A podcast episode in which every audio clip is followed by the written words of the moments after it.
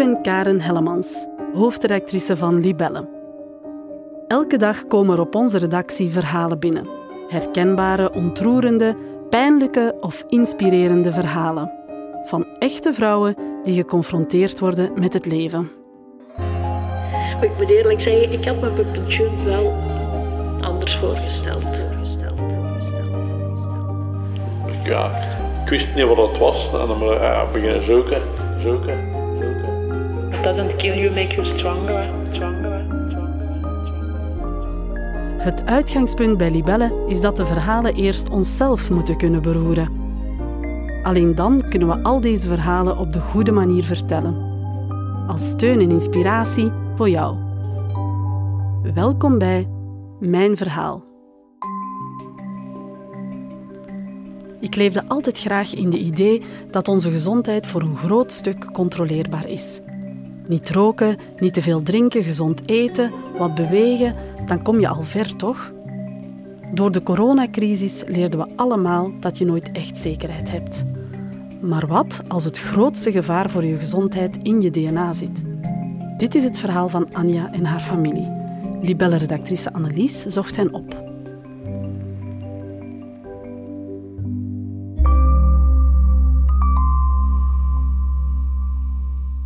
Wanneer Anja de deur openzwaait, staat er een energieke vrouw van half veertig voor mij. Op geen enkel moment in ons gesprek laat ze de schouders hangen, ondanks het lot dat haar te wachten staat. Want Anja's papa heeft een genetische ziekte. Elke dag takelt hij meer en meer af. Maar Anja doet voort, dapper, voor haar eigen gezin en ook voor mama Chris. Wij zijn 48 jaar getrouwd dit jaar. Ik moet eerlijk zeggen, ik had me mijn pensioen wel anders voorgesteld. Ik kan niet zeggen wanneer het doorgekomen is, maar hij is november 65 geworden en januari is het vastgesteld. Uh, mijn vader is eigenlijk al een paar jaren ziek, maar we hebben dat nooit niet gemerkt, omdat de eerste symptomen eigenlijk moeilijk... Allee, je kunt moeilijk zeggen van dat is de ziekte van Huntington. De eerste symptomen zijn zo heel veel bewegen. En, dus wij dachten, zijn dokter dacht altijd, hij heeft bewegingsdrang. En nooit niet verder mee gegaan, omdat dat dan erger en erger werd. Tot mijn mama toch een moment gezegd van, we gaan eens verder.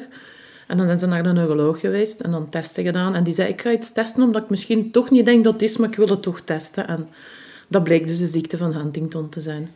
Ja, Huntington. Nooit van gehoord. Ja, ik wist niet wat het was. En dan ja, beginnen zoeken. Ze had dan een beetje uitleg gegeven. Ze zei, ga eens op internet kijken. Daar vind je dan nog vragen. Als je hè, antwoorden op je vragen. Ja, dan staat wel even je wereld stil daar. En dan zeker als je dan te horen krijgt dat je kinderen het gen kunnen erven. En nu is nog te wachten op ons kleindochter. Ik hoop dat ze het niet heeft, maar... De ziekte van Huntington. Die diagnose krijgt Paul begin 2017. Huntington is een erfelijke ziekte. Maar wat is dat eigenlijk? Ik zocht professor Bettina Blaumeister op van het Centrum Medische Genetica van de Universiteit Antwerpen. Zij geven informatie over erfelijkheid aan mensen en families die geconfronteerd worden met een aangeboren afwijking. Ziekte van Huntington is een neurologische ziekte die vooral te maken heeft met neurologische aftakeling. Het is een genetische ziekte, het is een erfelijke ziekte. Als een van de ouders de ziekte heeft, dan is de kans 50% om dat aan de kinderen door te geven. Nu uiteindelijk klinisch uitzicht de ziekte meestal rond 30 tot 50 jaar. En de eerste tekens kunnen zijn geheugenverlies, slikstoornissen, coördinatieproblemen. Heel algemene dingen die men niet altijd kadert in Huntington ik denk rond zijn 40, 45ste is dat lichtelijk begonnen. Ja, hij rijdt vroeger met de motto en ik zat dan vaak achterop bij hem. En dat kon toen ook al niet stilzitten. Dat was zo een keer naar links, naar rechts. Zo een keer... Ja, precies dat hij onrustig zat of zijn gemak niet vond. En volgens mij was dat al de eerste symptomen. En wanneer is hij daar zelf over beginnen klagen? Dat hij zei, er... want wat is dat, een soort onrust dan in uw lichaam? Ja, maar dat, klagen doet hij eigenlijk niet. Omdat ja, hij heeft eigenlijk geen pijn en... en de mensen om hem hebben eigenlijk meer last van zijn bewegingen, vindt hij, dan hij zelf. Dus dat is eigenlijk heb ik het voordeel van de ziekte zelf, heeft hij geen pijn. Of, en ook als hij stapt, vaak dat mensen denken van oei, ik heb precies een stuk in zijn voeten. Maar dat is ook een, een eigen aan de ziekte. Dan is het stappen wordt moeilijker. Eigenlijk moet je denken, die mensen hebben hun spieren niet helemaal onder controle. En die hebben hun bewegingen dus ook niet helemaal onder controle. Hij kan echt, hij begint heel moeilijk te stappen, want hij heeft nu sinds kort ook een rolstoel voor als we verre afstanden doen. Het praten gaat ook moeilijker. Um, hij kan ook heel kwaad zijn. Meestal op mijn mama dan, zij zorgt voor hem. Dus ja, dat is 24 op 24, 7 op 7. Dus ja, als het niet naar zijn goesting is, dan kan hem al een keer ja, redelijk kwaad uit de hoek komen. Dus je ziet wel dat, dat zijn karakter verandert door de ziekte. En dat is, dat is hetgeen wat het hardste pijn doet bij mij, voor dat te zien aftakelen. Zo. Dat dan niet meer de persoon is die je zoveel jaren gekend hebt. Ik heb altijd een hele goede band bij mijn ouders gehad, nu nog. Maar onze papa, dat was een, die maakte hem niet op kwaad. Maar nu kan hij hem voor het minste kwaad maken. Gelijk is, hij wilde altijd maar weggaan, weggaan. En ja, onze mama die heeft ook nog een huishouden voor te doen en zo. En als onze mama dan eens zegt nee, dan kan hem echt kwaad worden. Worden dat dan terug kinderen? Moet ik mij... Soms vind ik van wel, ja. Soms denk ik, soms zeg je draag ook soms, vind ik soms zo, ja. Hij precies echt terug een kind als een goesting niet krijgt en kwaad wordt. Ja. Een voorbeeld te geven, daar staat, hier staat de radiator. Hier stond een stoel. Hij heeft die, hier staat de kast, hij heeft die tot tegen de kast gezet. Maar als ik in de kast moet zijn, raak ik daar niet in. Dus zet ik die zo een stukje opzij, dat ik die kastdeur toch open krijg. Hij smeet overlaatst die stoel tegen die kast, want dat was brandgevaar. En dat krijg je er niet uit. Hij vindt dat en dat is zo. nu laat ik de stoel maar staan. Ik, ik probeer altijd maar want ik loop de hele dag op de tippen van mijn tenen. Als hij zo'n boedaardbarsting krijgt, ja. Hij heeft me nog nooit niks gedaan, hè, daar niet van. Hè. En ik denk niet dat hem dat ook niet. Maar kwaad worden wel. Karakterveranderingen zijn een van de tekens van Huntington. Hè. Dat um, wordt ook dikwijls beschreven dat iemand die altijd een vrolijk karakter had, ineens heel wisselvallig is, inderdaad kwaad, boos kan zijn, um, woedeaanvallen kan hebben. Iets waarvan mensen zeggen dat is, dat helemaal de oude niet meer. Dat is, dat is een andere persoon. Dat was echt een lieve man. En dat is echt die is egoïstisch geworden. Het heeft met de ziekte te maken, en dat weet ik. Maar dat was echt een lieve man. Dat, ja, is echt helemaal gedraaid. Hij wil aan iedereen zeggen, willen bewijzen dat ik een verwend nest was vroeger, als kind. Ik ben de jongste van veertien. Maar wij hebben thuis allemaal, daar is niemand niet verwend. We hebben met veertien kinderen, er is niet veel tijd voor te verwennen. Hè. En hij wil dat per fors bewijzen. Ja.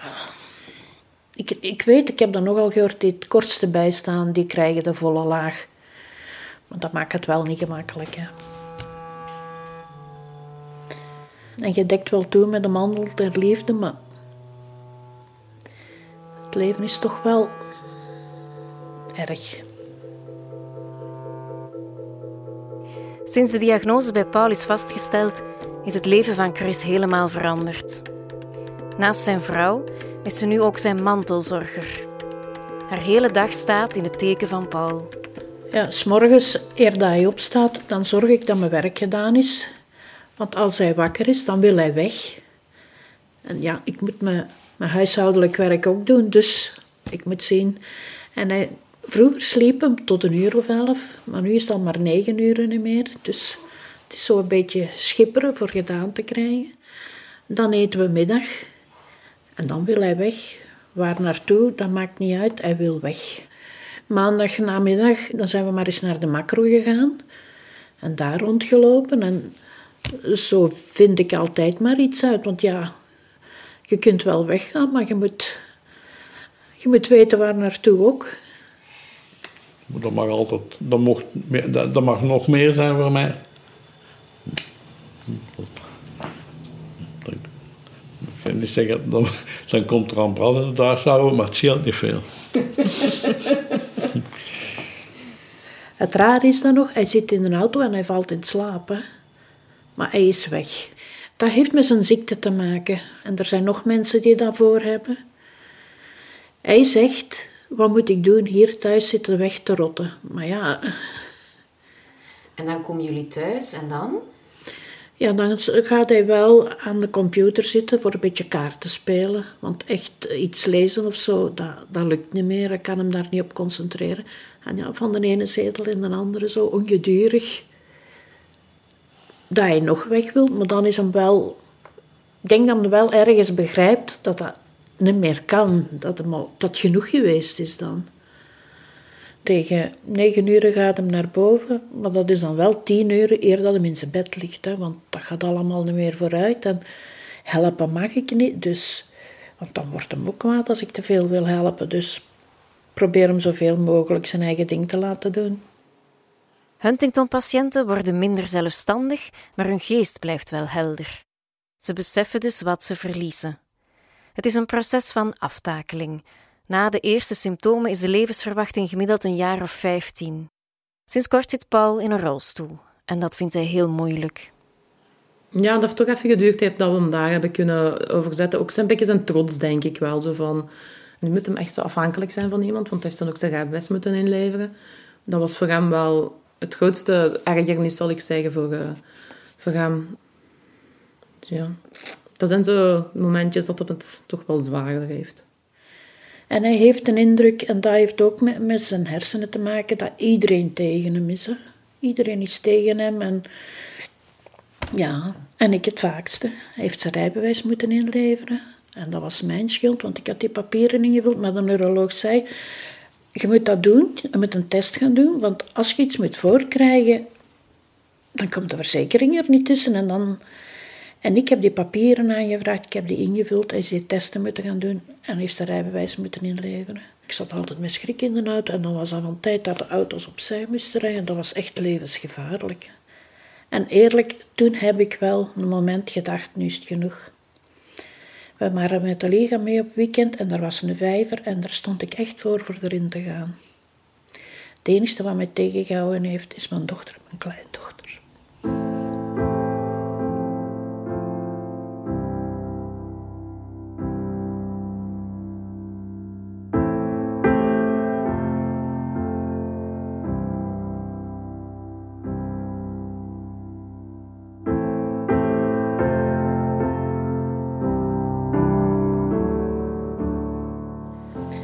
Echt zwaar aan het zorgen.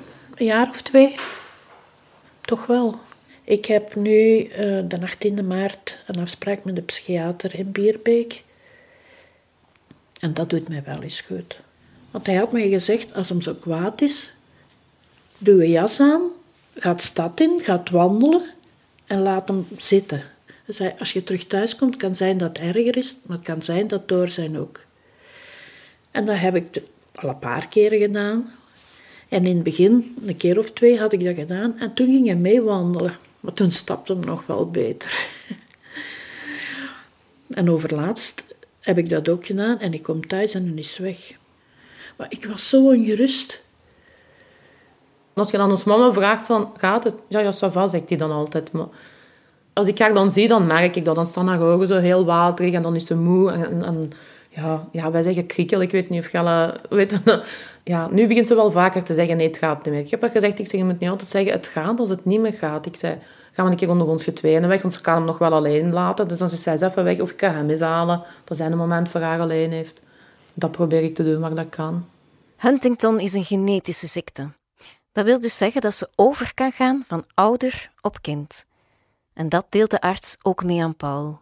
Ja, die heeft dan gezegd dat is erfelijk. Dus mijn mama heeft mij direct verwittigd. Ja, ik heb dan ook nog een broer, waar dat we jammer genoeg geen contact meer bij hebben. Maar ja, ons mama zei, wat moet ik doen? Ik zei, hij heeft ook twee kindjes, verwittigd maar.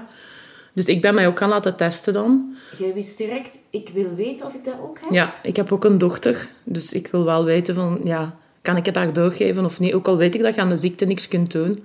Ik kan begrijpen dat er mensen zijn die zeggen, ik wil het niet weten. Dus ja, dat, ik denk dat dat ieder voor zijn eigen moet uitmaken. Echt van, ik heb direct bij mijn man besproken. Ik heb direct gezegd van, ik wil het weten.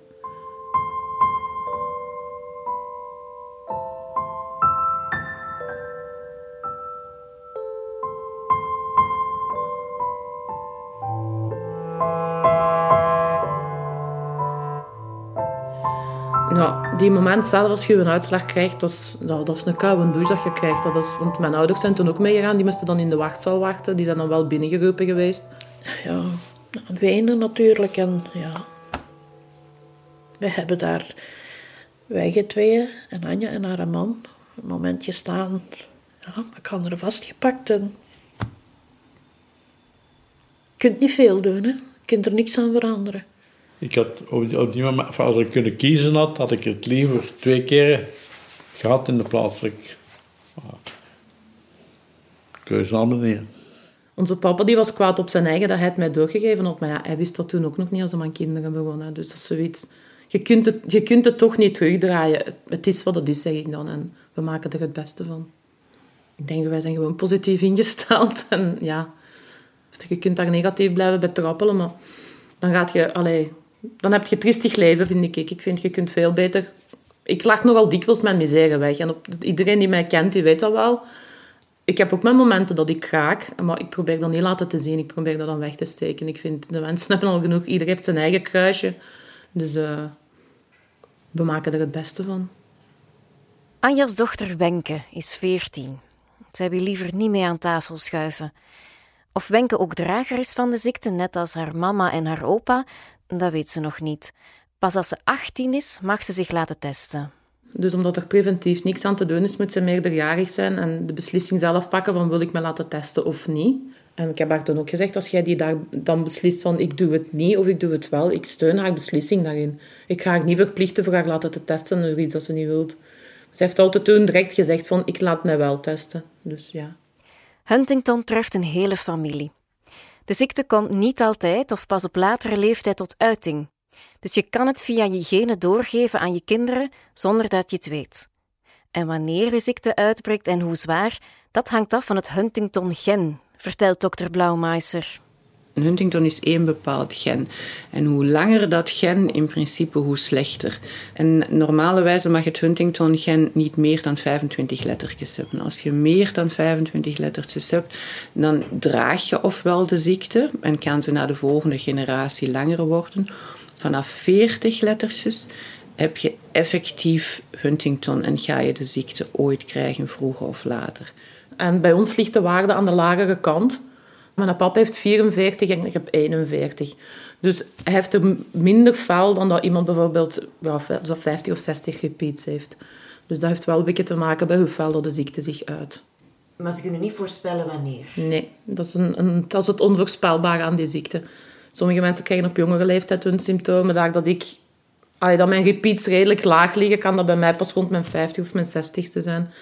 Dat is, ja, maar op het moment dat ik twijfel van oei, ik voel iets, dan ga ik gewoon naar de neuroloog en dan, dan testen ze dat wel. Dan kunnen ze dat wel zien, van het is begonnen of het is niet begonnen. Dan moet je aan zo dingen gaan hangen, want ik heb het over laatst gaan laten doen, maar dan was het eigenlijk gewoon van de stress dat ik dacht van, ik vergeet van alles en dit en dat. En ja, dan kunnen ze dat wel zien in de hersenen. Wat zijn zo momenten dat je denkt, ik ben het aan het krijgen? Ja, soms... Uh, dat ik s'avonds, dat had ik toen heel fel. Ik kon zo bij mijn benen niet stilzitten s'avonds. Maar dan, ja, wat zei de neuroloog? Ja, hij zegt het gewoon restless legs. Dus dat is dan het nadeel als je het weet, begint je te denken van... Oei, is het nu toch, is het nu niet? Dus ja, ik zal niet zeggen dat ik ermee leef, maar het zit wel altijd in het achterhoofd ergens. Anja ziet haar papa dagelijks, dus ze weet heel goed wat haar te wachten staat. Het kan niet anders dan dat het beeld van een aftakelende vader haar af en toe slapeloze nachten bezorgt. Soms wel. Dat draait soms wel in mijn hoofd van... Is dat mijn toekomst? Maar ja, ik weet als ik daar dan iets van zeg... Dan krijg ik altijd als antwoord van iedereen... Zo alle van de mensen die de ziekte kennen... Ja, maar bij iedereen is dat hetzelfde. En dan denk ik van... Ja, dat kan wel zijn, maar het speelt niet in alle koppen. Allee, als ik zie dat mijn papa weer zo'n kwaai periode heeft... Of dat ons mama het moeilijk heeft... Dan zeg ik altijd van... Oh, als ik zo later ben, steek me dan maar weg. En dan zegt hij altijd, en, onze dochter dan ook van... Nee, nee, wij zullen wel voor u zorgen. Dus allee, dat vind ik dan toch wel... Je ziet dat ze daar dan toch over nagedacht hebben. En dat hun dat eigenlijk niet stoort dat ik ook zo ga worden. Er is heel veel bezig op, um, op het gebied van Huntington. Nu, er zijn heel veel onderzoeken op dit moment bezig die in de richting van gentherapie gaan, waar men probeert de negatieve gevolgen die door dat, die genfout ontstaan um, te overbruggen. Iedere zieke is wel anders. Ze reageren niet allemaal hetzelfde. En Anja heeft minder repeats, dus ik hoop dat ze het niet zo erg gaat krijgen ook. En ik hoop dat ze tegen dan iets gevonden hebben als bij haar moet doorkomen. Ze zijn er volop mee bezig, want ik heb over laatst nog bericht gehad dat onderzoeken voorlopig goed zijn. Maar ja, dat is nog tien jaar is dat zoiets op de markt kan komen. Hè? Ik heb nog altijd de hoop dat er tegen dan een medicijn is dat ze ons kunnen helpen. En dat dat dan natuurlijk be- betaalbaar is voor de mensen die het willen. Want dat is dan ook nog altijd zoiets. Maar ik hoop toch dat de symptomen lang genoeg wegblijven. Dat ik voor mijn kleinkinderen kan genieten. Als zij kinderen krijgen natuurlijk, maar dat ik wel denk. Dus ja, dat is wel iets waar ik soms mee bezig ben. Ja, dus de toekomst kun je niet kijken, jammer genoeg. Hè. It doesn't kill you, make you stronger. Hè. Hoe hard de wetenschap ook vooruit gaat, de toekomst voor het gezin blijft onzeker. En dat weegt bij iedereen. Anja en Chris zien Paul langzaam maar zeker aftakelen. En dus hebben ze als gezin beslist wanneer het mag stoppen. En hij heeft ja, sinds kort ook eh, het besluit genomen van zijn papieren in te vullen voor als het niet meer gaat voor euthanasie te doen. Dat was ook weer even heel moeilijk, maar langs de andere kant begrijp ik hem daar ook wel in. Dat was zo een stap dat ik dacht van, hmm, ja, ons mama heeft het daar heel moeilijk mee gehad. Daar, daar, daar heb ik al even beslist. Nou, Dus voor mij, ja, als ik de pampers in moet, dan mag het, dan mag het stoppen. Ik heb ook altijd gezegd, als ik, van het moment dat ik mijn symptomen krijg en ik merk dat echt veel achteruit gaat, denk ik dat ik de mijne ook wel invul. Zoals je zo echt zo begint niks zelf niet meer te kunnen. En ik ben niet graag afhankelijk van iemand, ook niet. Dus van het moment dat iedereen zo mij moet gaan wassen en, en dat ik dat zelf niet meer kan, dan mag het van mij, dan mag het van mij stoppen. Maar op die moment mocht jij zeggen, het stopt. Ja, En maar als je dat niet meer zou kunnen, omdat je niet meer helder genoeg bij dan moet je een bent. vertrouwenspersoon aanduiden op je papieren. Hè. Want ik ben dat voor mijn papa. Ja, ons mama zag dat niet zitten en dan had hem gevraagd, ja, wilt jij dat doen? En dat is, ja, dat is een hele dubbele, want je wilt je papa niet afgeven, maar je weet wel wat zijn laatste wens is.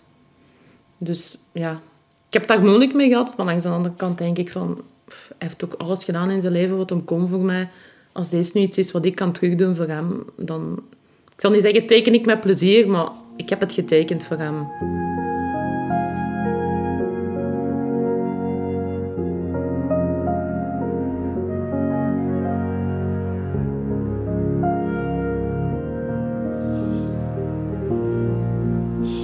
Maar genieten doet hem wel. In de water van het mogelijke. Dat proberen we. Is er crèmetjes uit? Of, of weg. Crèmetjes eten of weggaan. Liefst de combinatie van de twee. Is dit geen moeilijke, hè? Dacht ik, met mijn eigen. Ik heb er wel veel problemen mee en dan is dikwijls kwaad op mij, maar ik zie hem nog altijd graag. en daarom, ik hoop dat ik hem nog heel lang kan bij me houden. Ik wil eigenlijk nog alles doen in het teken van mijn man. Dat hij nog de rest van zijn leven gelukkig en zo comfortabel mogelijk kan doorbrengen.